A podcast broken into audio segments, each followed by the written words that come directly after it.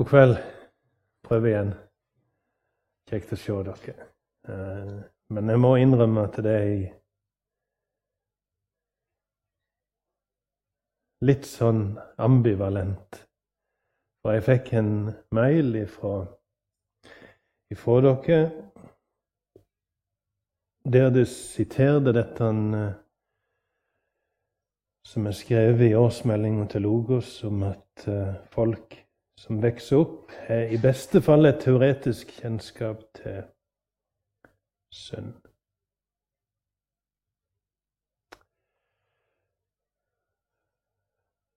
Og dermed kan ikke du komme og fikse det.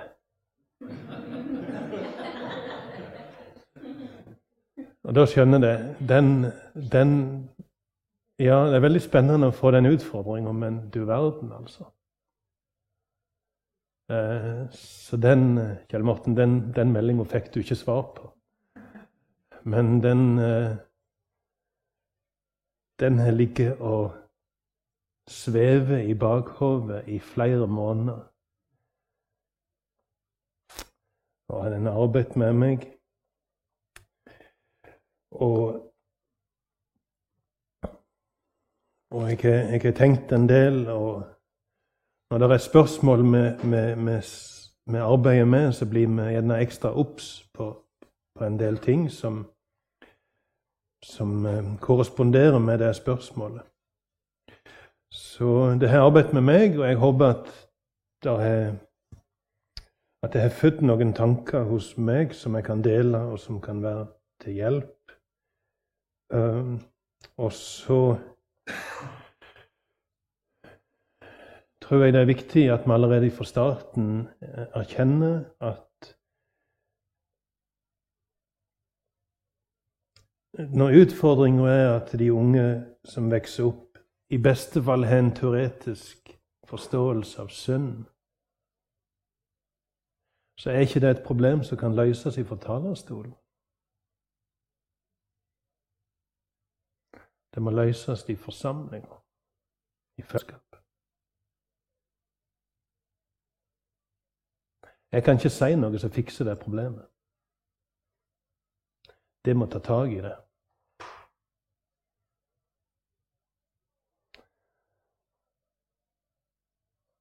Og spørsmålet er om vi vil det. Spørsmålet er om det vil det.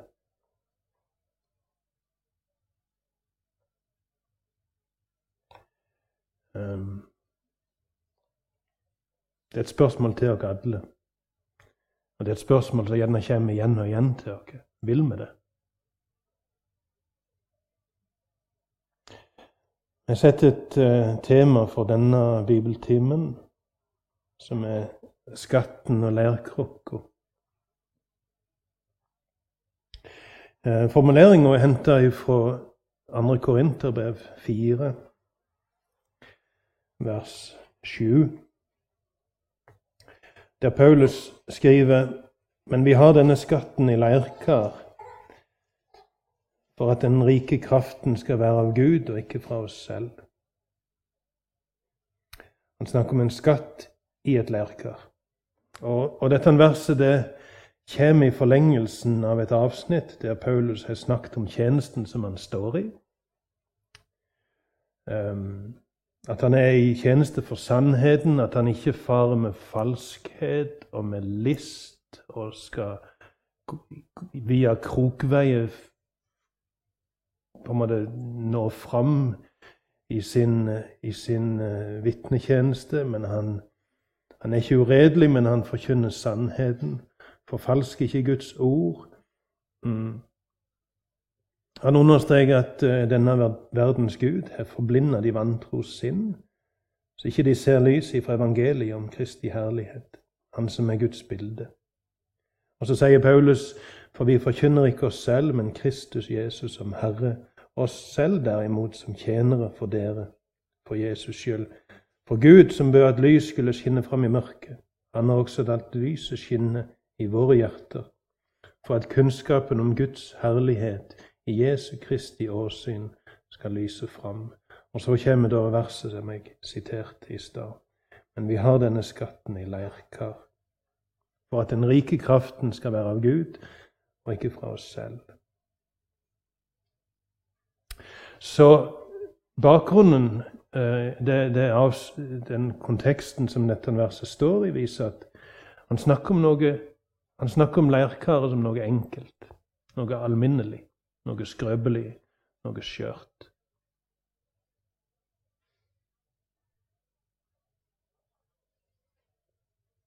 Vi er ikke vant med å bruke leirkar. Så hvis du ser et leirkar, så syns du kanskje det ser litt sånn um, eksotisk ut, eller rustikt. Uh, det kan pynte opp i stua eller i Eller på kjøkkenet. Men uh, for de som Paulus snakket til og skrev til, som var lærkar. Det var et veldig alminnelig kar eh, som ble brukt til alt mulig. Og det var skjørt. Det var, det var ulike fasonger, ulike um, utgaver til ulik bruk. Og de var antagelig ganske rimelige. Så et alminnelig kar. Vi har denne skatten i leirkar. Hva mener han med det?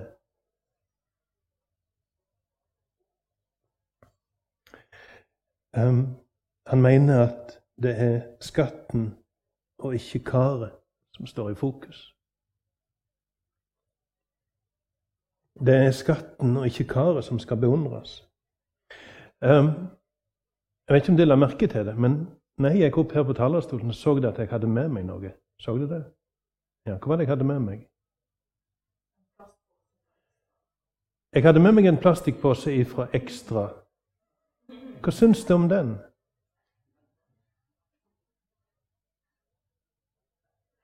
Så no, hvis, hvis, noen går på talerstolen og har med seg en plastikkpose fra Coop Extra, så tenker de hm, lurer på hva han har i den. For den plastikkposen fra Coop Extra den er emballasje. Han er ikke tatt med for å beundres. Han er emballasje. Han er der fordi det er noe oppi han.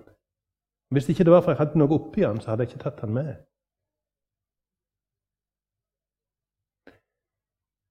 Jeg har noe oppi han. Du skal få vite alt i hop som jeg har oppi han.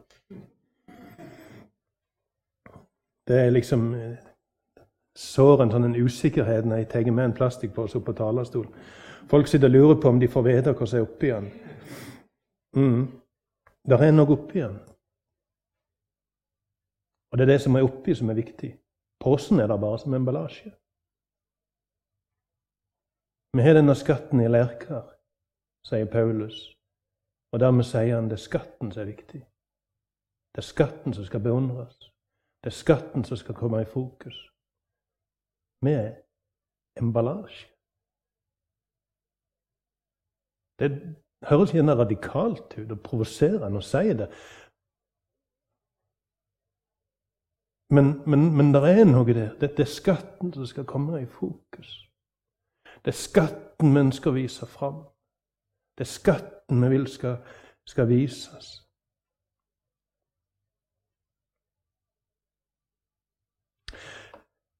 Og så er det selvfølgelig en viktig forskjell.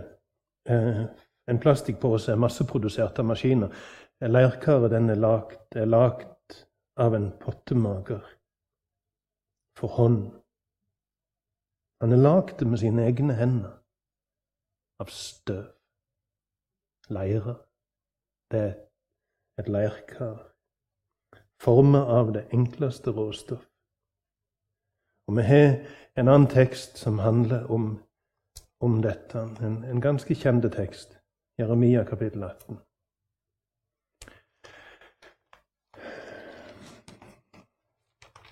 Vi skal lese der de første seks versene.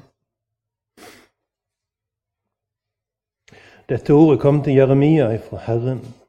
Stå opp og gå ned til pottemakerens hus. Da skal jeg la deg få høre mine ord.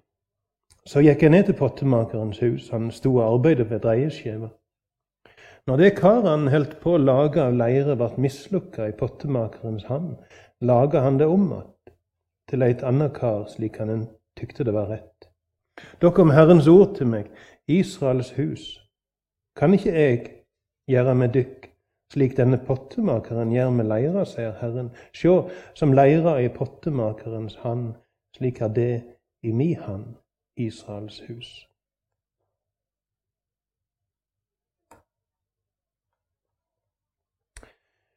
Eh, jeg hadde lest denne teksten, jeg hadde studert Jeremia-boka, og så fikk jeg spørsmål om å komme til Salem i Stavanger og ha bibeltime. Jeg skulle ha bibeltime om Jeremia-boka, og jeg kom innom denne teksten.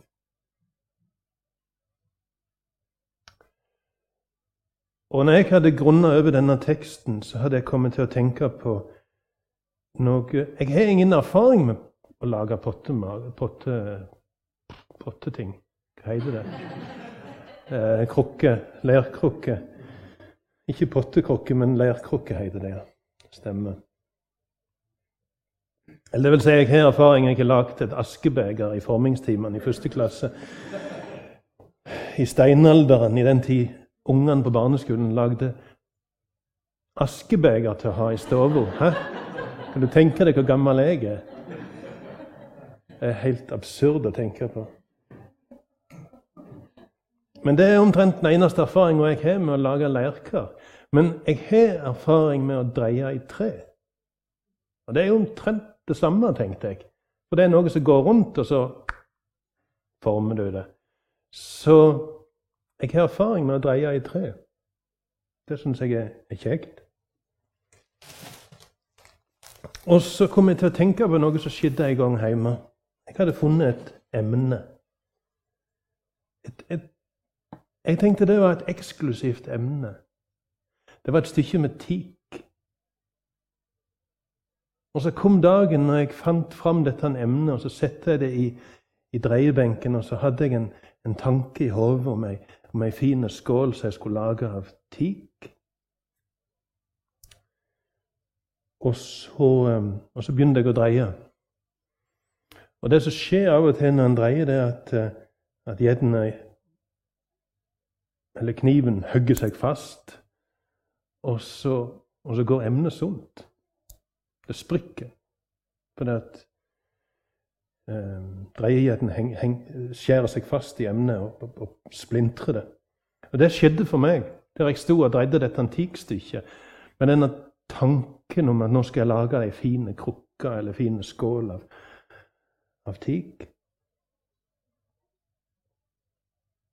Så det du, det du, må gjøre, da, det er at du må, du, må, du må, revurdere planen din. Du må nedskalere planen og lage noe mindre. Og noe mindre prangende enn det du egentlig hadde tenkt. Så jeg nedskalerte planen, og så skulle jeg lage ei skål, men ei litt mindre skål.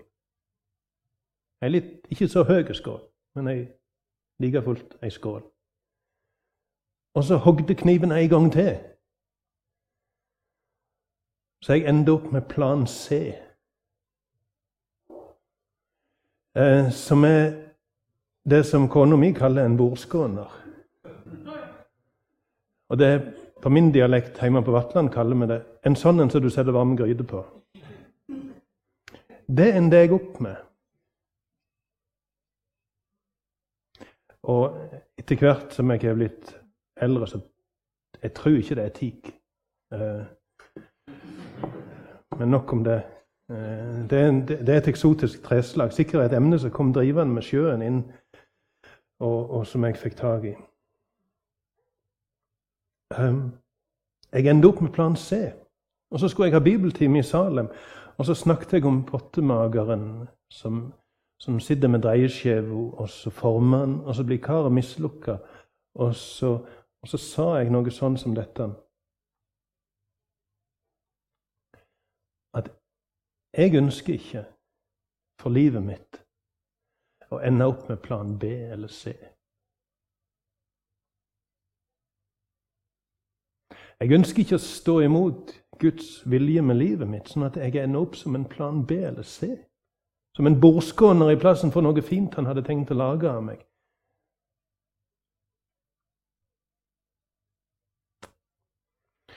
Og så,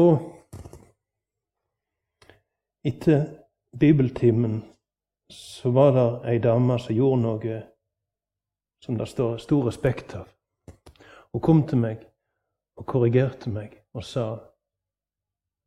På en veldig fin måte, altså. Men det var bare én ting hun ville si. Alt Gud gjør, er vakkert. Mm. Og Det førte til at jeg gikk hjem og grunnet over den teksten en gang til og innså jeg hadde misforstått hele teksten. Det handler ikke om karet, det handler om pottemageren.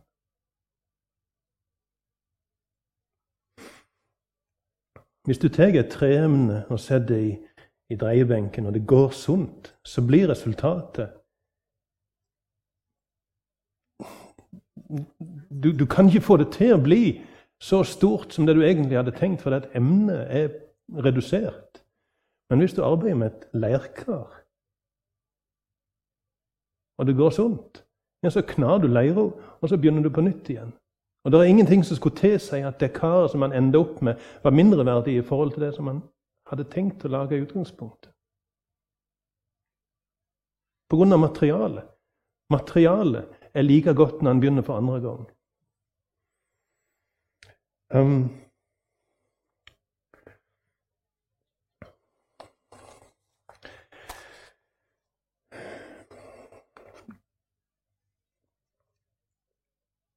Historien der i Jeremia-boka handler ikke om hvordan karet blei, men det handler om hva pottemageren gjør. Og for oss som gjerne ikke har så mye erfaring med å lage leirkar, så er det kanskje en, en, en naturlig reaksjon som vi går glipp av. Jeg har hørt at en pottemager på den tida vanligvis ville kassere et mislykka kar. Han ville ikke prøve en gang til å lage noe av akkurat den leirklumpen, for den hadde vist seg uegna. Så han kasserer den leirklumpen, og så begynner han med en ny leirklump. For det gjerne det var en stein som hadde blanda seg i leira og gjorde at akkurat den leirklumpen var ikke helt eh, førsteklasses.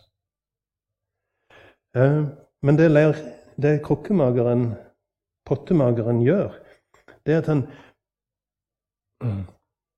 han gjør det uventa. Han, han knaser dette karet. Han knar leira en gang til.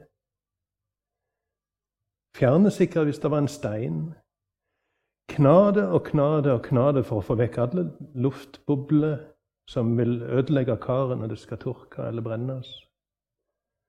Og så lager han ei krukke en gang til. Og historien er en historie som sier noe om pottemageren sin rett til å gjøre med leira sånn som han vil. Og det er en historie som sier noen ting om pottemageren sin tålmodighet. Og det handler ikke om plan A eller plan B eller plan C med denne, med denne krukka, men det er, et, det er, en historie som er en hyllest til en tålmodig pottemaker.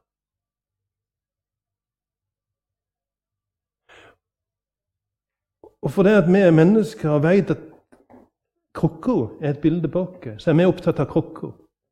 Vi må flytte fokus. I plassen for å være opptatt av krukka, og vi er opptatt av pottemageren.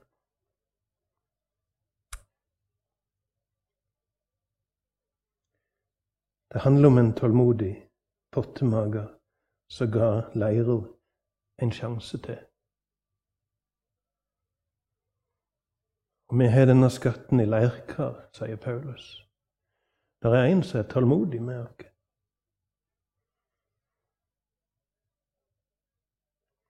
Og så er det interessant å reflektere litt over hvordan et leirkar blir lagd. Du tar en leirklump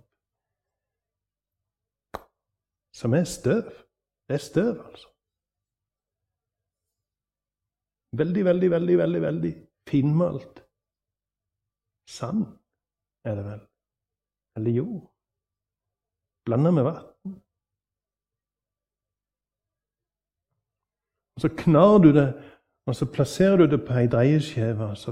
Med beina setter du fart på dreieskiva, og så klemmer du på det så det blir sentrert mens dette gjenger rundt.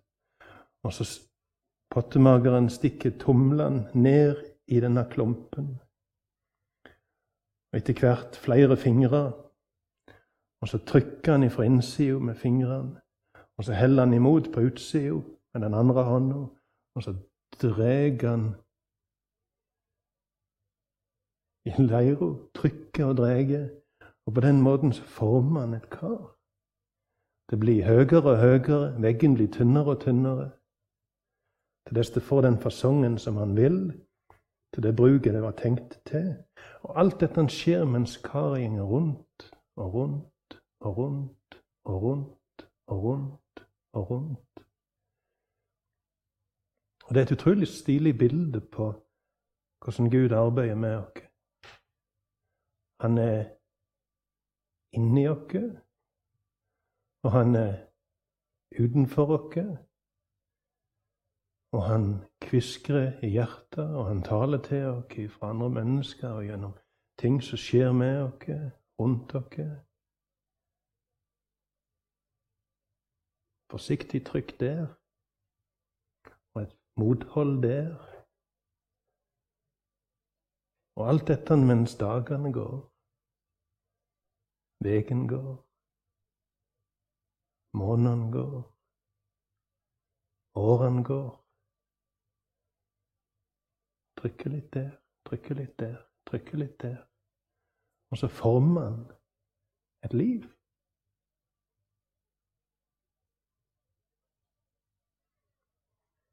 Han er inni oss, og han er på utsida av oss.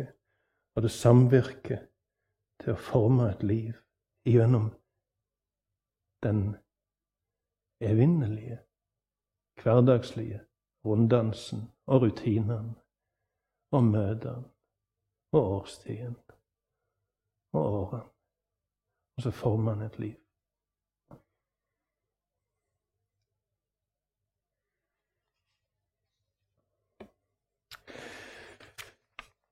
Vi har denne skatten i leirkar, sier Paulus.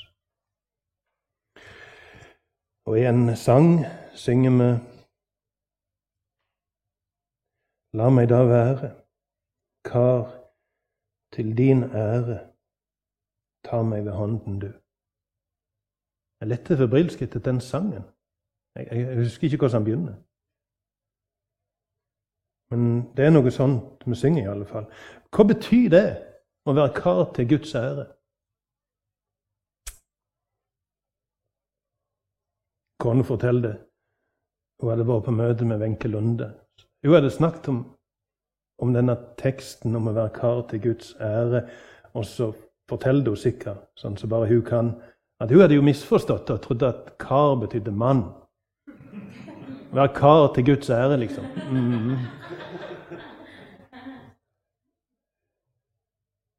Nei, det handler ikke om det. Det hadde Wenche Lunde òg funnet ut. Det handler ikke om å være mann til Guds ære. Eh, det handler, om, det handler ikke om én kar, men om en ett kar. Men hva betyr det da å være kar til Guds ære? Hmm. Jeg grunnet over det, og jeg kom vel fram til at det kan bety forskjellige ting. Um, som ikke på en måte er i motsetning til hverandre, eller gjensidig ekskluderende. Du kan være kar til Guds ære på forskjellige måter på samme tid. For det første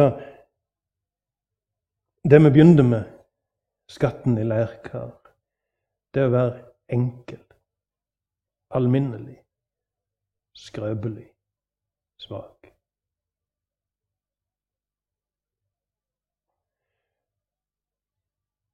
Det å være en synder En synder som er blitt møtt med nåde.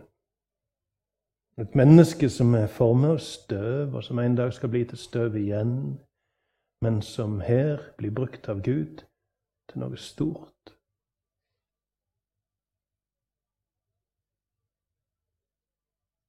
Og hvis vi blir brukt til noe stort, så er vi støv, men han er Gud. Og det å være bevisst på det og tydelig på det, at vi er støv. Vi er skrøpelige, vi er små, vi er svake. Um, kan bidra til at hvis det er en seier en dag, så er det Gud som får ære for den. Det er veldig fristende for oss å ta den oss sjøl.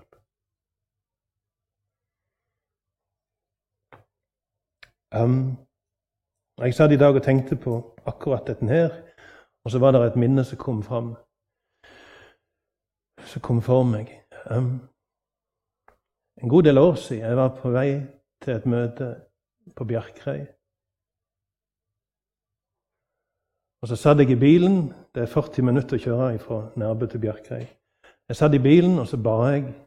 Og så var det en tanke som, som kom i, i hodet mitt tanken på et, et hammerhove. Vet du hva et hammerhove er for noe? Jeg er gjerne ikke vant med å se det, men jeg har mye løye ting hjemme. Blant annet et hammerhove. Det er et hammerhove. Jeg hadde sikkert drevet og rydda eller eller og så hadde jeg, hadde jeg sett det hammerhodet. Og så kom, kom, jeg til å tenke på det der jeg satt i bilen på vei til Bjerkreim. Og så var det en tanke som slo meg. Eh, jeg kunne gitt det til Bjarte Gudmestad, som er tømrerlærer på, på Tryggheim. Jeg kunne gitt det til han, og han ville kunnet sleie ned spigra med det hammerhodet i bare neven mye fortere enn mange andre menn hammer til 1000 kroner.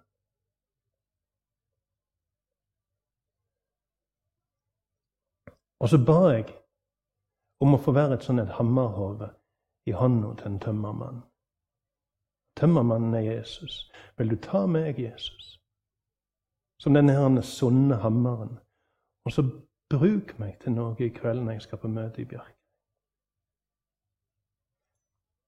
Så kom jeg til Bjerkreim. Så hadde jeg andakten min.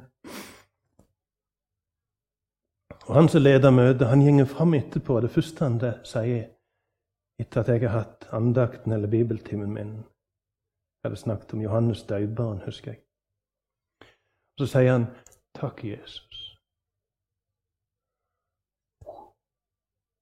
Det gjorde noe med meg.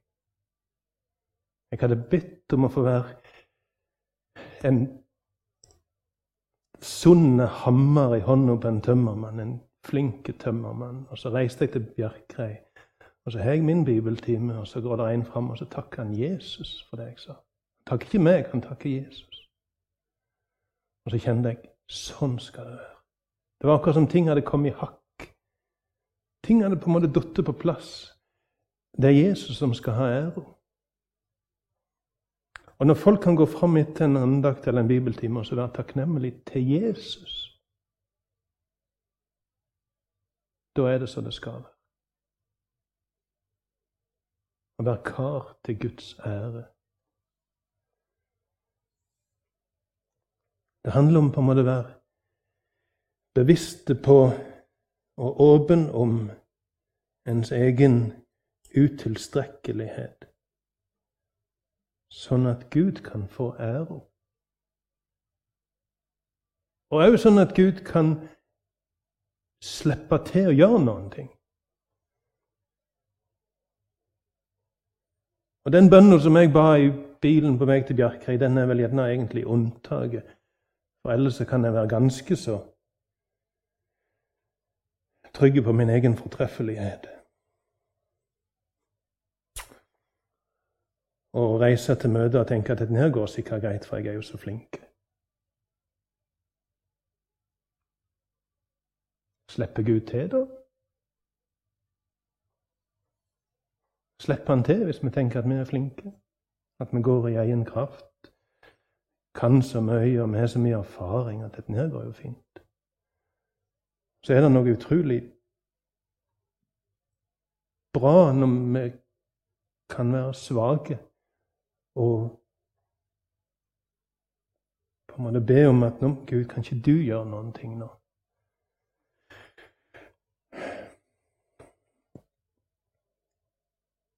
La meg da være kar til din ære. Er du villig til det? Er du villig til å la Han få ære? Det er et spørsmål du gjerne må svare mange ganger i løpet av livet. Er du villig til å la Han få ære?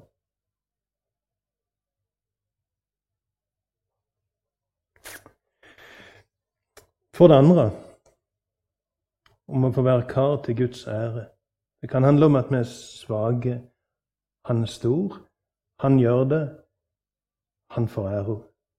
For det andre, sånn som vi las fra Jeremia 18 Et kar kan være et vitnesbyrd om en tålmodig pottemager.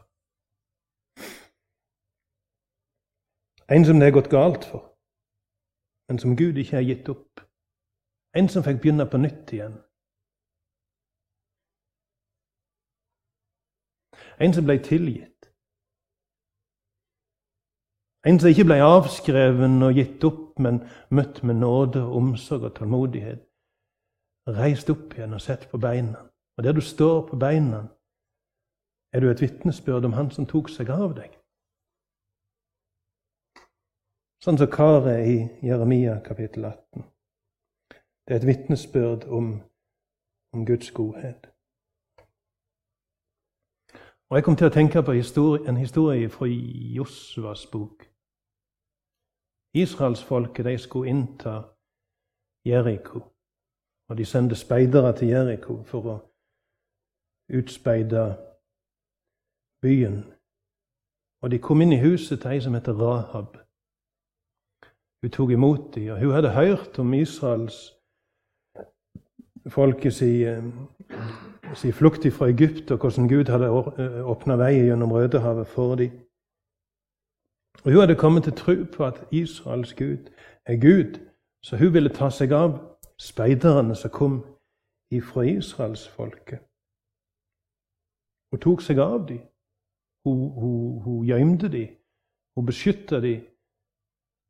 Og sender sendte dem i vei med en, en bønn om at de må spare henne og familien når de skal ta Jeriko. Og hun, eh, hun blir spart. Hun og familien samler seg i huset henne, og når murene faller rundt, rundt Jeriko, så, så blir huset hennes stående.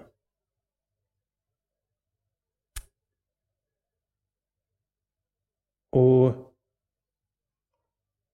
og så leser vi at Rahab ble gift med en som heter, heter Salman, som var en mann fra Judas stamme.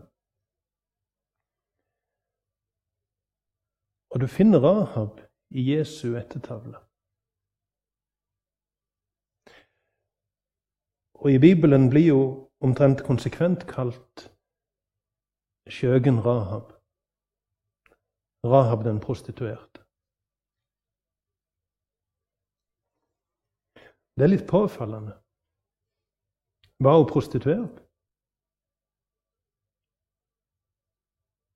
Var hun det ennå når speiderne kom til Jeriko? I alle fall slutta hun med å være det når hun gifta seg med Salman. Men hun blir konsekvent kalt skjøgen Rahab. Hvorfor det? Er det er det sånn som det er hos dere, at et stigma blir hengende ved folk. Det er veldig vanskelig å bli kvitt et sånt et stigma. Noe du har gjort en gang, som du har fått et rykte på deg, og du blir ikke kvitt det. Du blir, du blir hangende med deg resten av livet, kanskje. Er det sånn? Skjøgen Rahab? Selv om det var et liv hun på en måte hadde lagt bak seg, så blir hun hele tida kalt det. Er det et ondsinna stigma som blir hengende ved henne? Ut ifra en menneskelig trang til å stemple folk? Eller handler det rett og slett om at når hun blir kalt det konsekvent i Bibelen, så blir det òg et vitnesbyrd om den Gud som tok seg av henne. Ikke vel?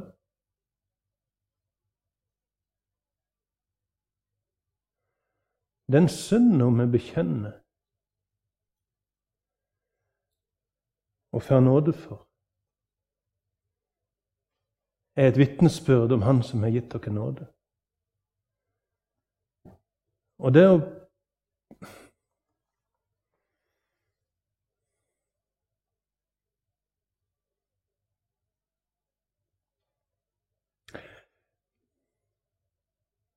Jeg har ikke helt funnet ut av disse tingene. Men, men tanken slo meg at nederlaget noe som vi har blitt berga ifra, er et vitnesbyrd om Jesus. Paulus legger ikke skjul på hvem han hadde vært. Og ved at han ikke legger skjul på hvem han hadde vært, så forherliger han Jesus, som viste han nåde. Og Paulus skriver om det igjen og igjen. Han var en forfølger av de kristne. Han er den største av alle synder. Han forfulgte Guds menighet, men Gud ga han nåde. Og så la han av seg kongsnavnet sitt, Saul, eller Saulus.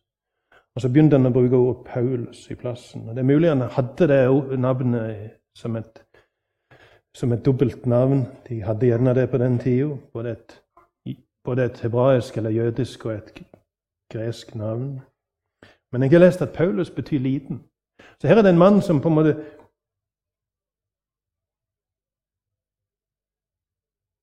hadde alt. en nidkjær forfølger av de kristne. Og Så blir han møtt av Gud, og så omvender han seg for det livet han hadde levd. Finner ut at det var helt feil. Og Så legger han av seg kongsnavnet, og så begynner han å kalle seg liten. Og så blir Jesus stor. Er du villig til å bli liten for at Jesus skal bli stor?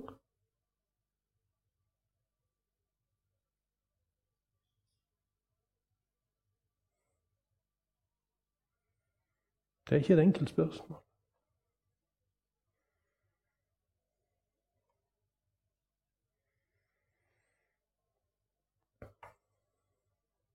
Er du villig til å tale sant om deg sjøl for at Jesus gjennom det skal bli forherliga?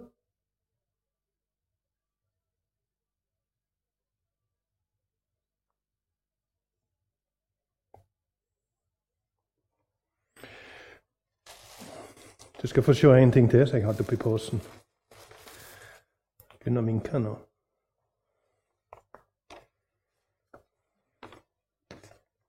Er det sittet før?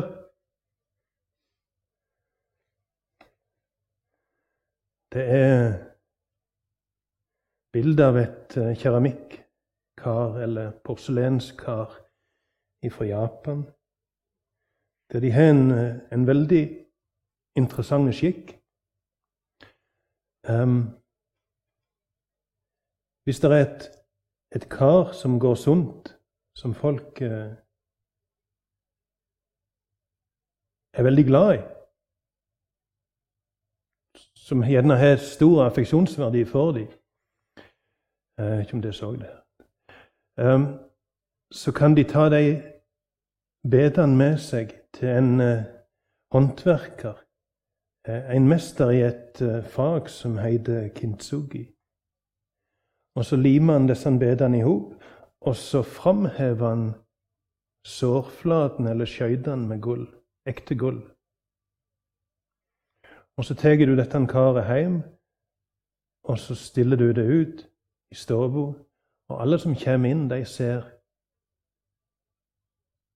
Hva er det de ser? De ser et kar som har vært knust, og som er blitt satt i hop igjen.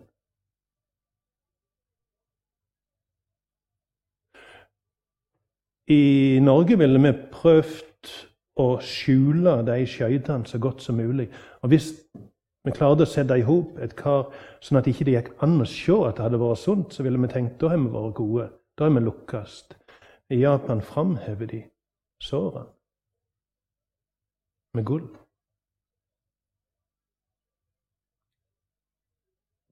Og så blir det en helt annen historie. Det er ikke historien om et fint kar, men det er en historie om at noen elsker det karet. De elsker det karet. Det betyr så mye for dem at de har brukt tusenvis av kroner på å betale en kintsugi-mester i å sette det opp igjen. Og så ser du på det karet med helt andre øyne. I plassen for å beundre skjønnheten i karet, så er du fullt av respekt for de som har gått så langt for å sette det i hop igjen.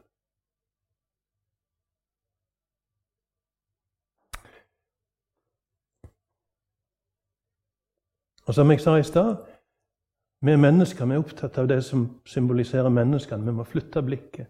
Det handler om Gud. Han tar de knuste bedene, og så vil han sette dem i hop igjen.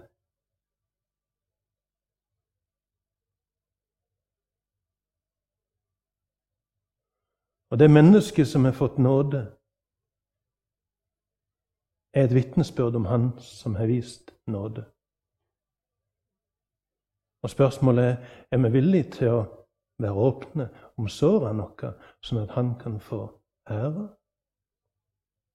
Vil vi det?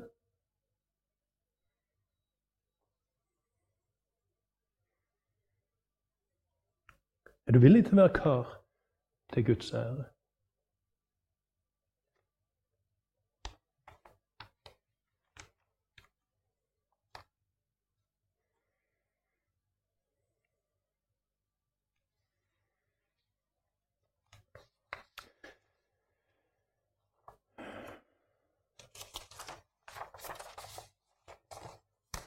Vi har ikke lyst til å være lærkar.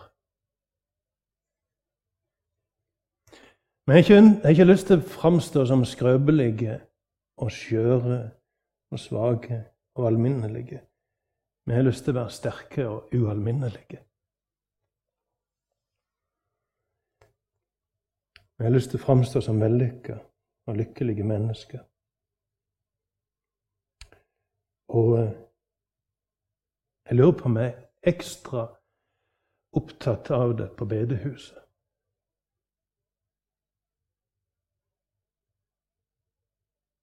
På en forskrudd måte, men dog.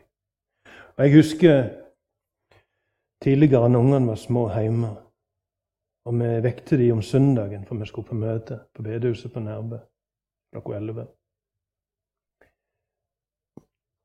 Det var ikke alltid like enkelt å få de opp og få de kledd og få mat i de. Og være klar så vi kunne reise på bedehuset til klokka 11. Og det kunne bli slamring med dører, det kunne bli kjefting, og det kunne, bli ganske, det kunne gå ganske vilt for seg. Og så kjørte vi til bedehuset. Og så, så husker jeg kona strekte ut hånda, og så ville hun at vi skulle gå hånd i hånd inn på bedehuset. Og det er liksom bare det, det føltes så falskt. Her kommer, den, her kommer vi, den lykkelige familien. Men er det ikke sånn det er? Vi vil veldig gjerne framstå som vellykka og, og på en måte dydsmønster på bedehuset. Og tenke at vi gjennom det er et vitnesbyrd for hverandre om Gud? Nei, jeg tror ikke det er sånn det virker. Jo, på en måte, på en måte skal vi Ja, komplisert er det.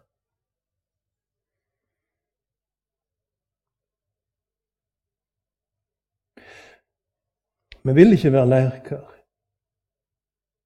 Vi vil ikke være syndere. Vi vil være vellykka, lykkelige mennesker som får ting til. Men hva skjer da? Når vi prøver å være vellykka mennesker som får ting til, hva skjer da? Sjansen er stor for at vi ikke får det til.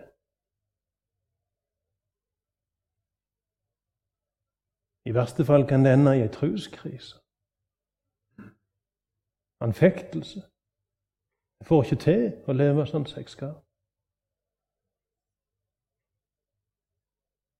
Vi kan bli fulgt av, av mismot, sjølforakt og misunnelse på de som får det til.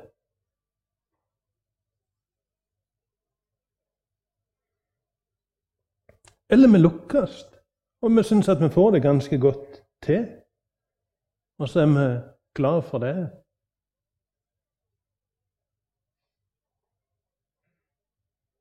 Og gradvis, veldig gradvis, umerkelig, sniker det seg inn et hovmod. Og vi begynner å se ned på de som ikke får det til. Det var ikke det at vi var bevisste. Fra nå av så skal jeg se ned på de som ikke får det til. Det bare sniker seg inn. Med en gang du får noe til, er det ikke så lange stunder før du begynner å se ned på de som ikke får det til. Det er gift i et kristent fellesskap. Se ned på en synder.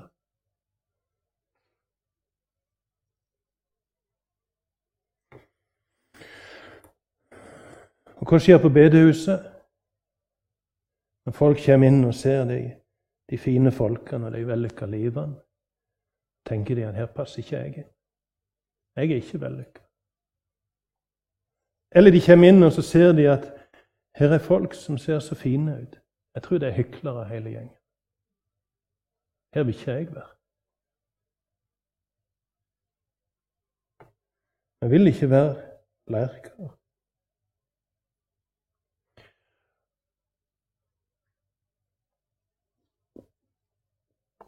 Men det er noe utrolig befriende når maskene fedler, og fasaden slår sprekker, og folk taler sant om livet. Og forteller om hvordan de har fått nåde. Det er utrolig befriende. Det er som Vi opplevde det på, på Nærbø på søndag. Gå inn på Nærbø misjonsforsamling og se den andakten av Eivind Svendsen fra søndag. Vi opplevde det. En som står der og taler aldeles dønn ærlig om livet. Og det er som du føler du er på hellig grunn. Altså.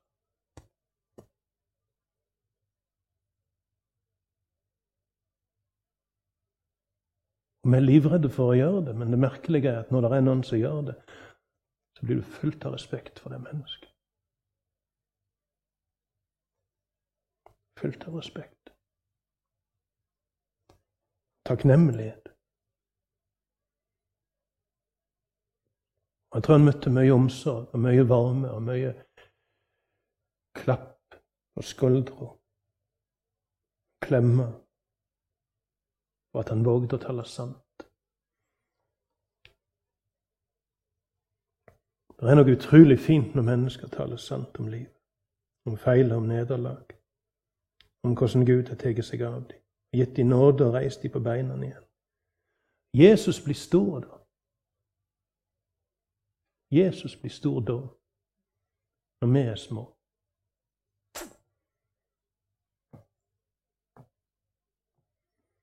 Og det løgne er at de som vedkjenner seg sannheten om livet, blir ikke lidende av det, de blir store av det, men får respekt for dem.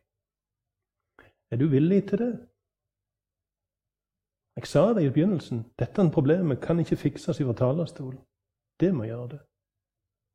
Er du villig til å bli små for at Jesus skal bli stor? Er du villig til å tale sant om livet for at Jesus gjennom det skal bli forherliget? Det er deres valg.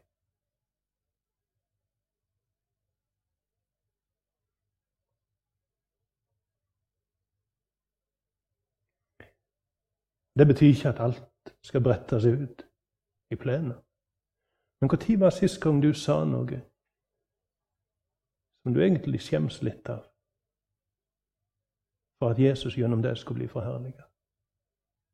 Det trenger ikke være noe større enn å si det at kona rekker ut hånda, og vi vil gå hånd i hånd inn på bedehuset. Det er ikke noe jeg er stolt av, men det er sant, og det er befriende. Alle kjenner seg igjen i det.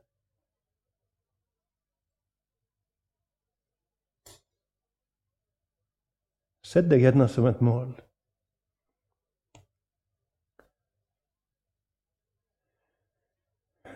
I det minste snakk sant med Gud i lønnkammeret.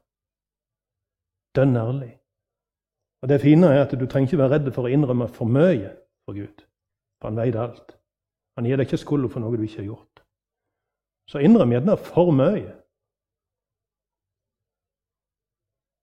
for å være på sikre sida.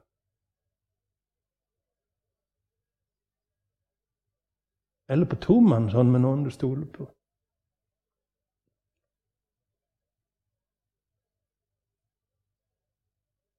Og Da skjer det noe med oss når vi snakker sant om oss sjøl. Jeg tror det skjer noe med oss da at vi ser mennesker med et annet blikk. Når vi våger å tale sant om oss sjøl, så kan du ikke i neste øyeblikk se ned på synderen. Du vet du er der sjøl. Ja Jeg har et, et tredje punkt òg. Jeg tror vi må stoppe nå. og så Så er det et tredje punkt òg om hva det betyr å være kar til Guds ære. Herre Jesus, vi takker deg for den du er. At du er en tålmodig pottemaker. At du er skatten vår, som plukker oss opp og ønsker at vi skal tilhøre deg.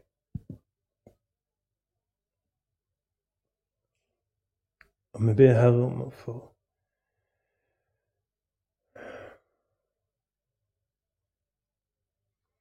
trygghet til å tale sant med deg og med hverandre. Og at det kan bli en, en, en brann for oss og en, en lengsel for oss at du må få bli stor.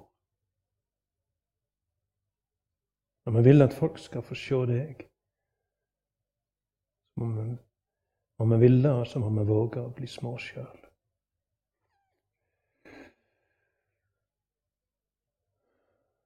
Vi takker deg for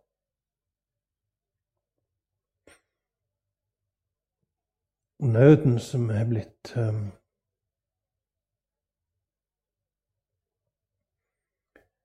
delt herifra forsamlinga, om at mennesker må lære sannheten om synd og nåde. Og vi ber Herre om at Den nøden må gå så langt at en er villig til å tale sant om livet. Og villig til å være liten for at du skal bli stor, og for at nåden skal bli konkret. Amen.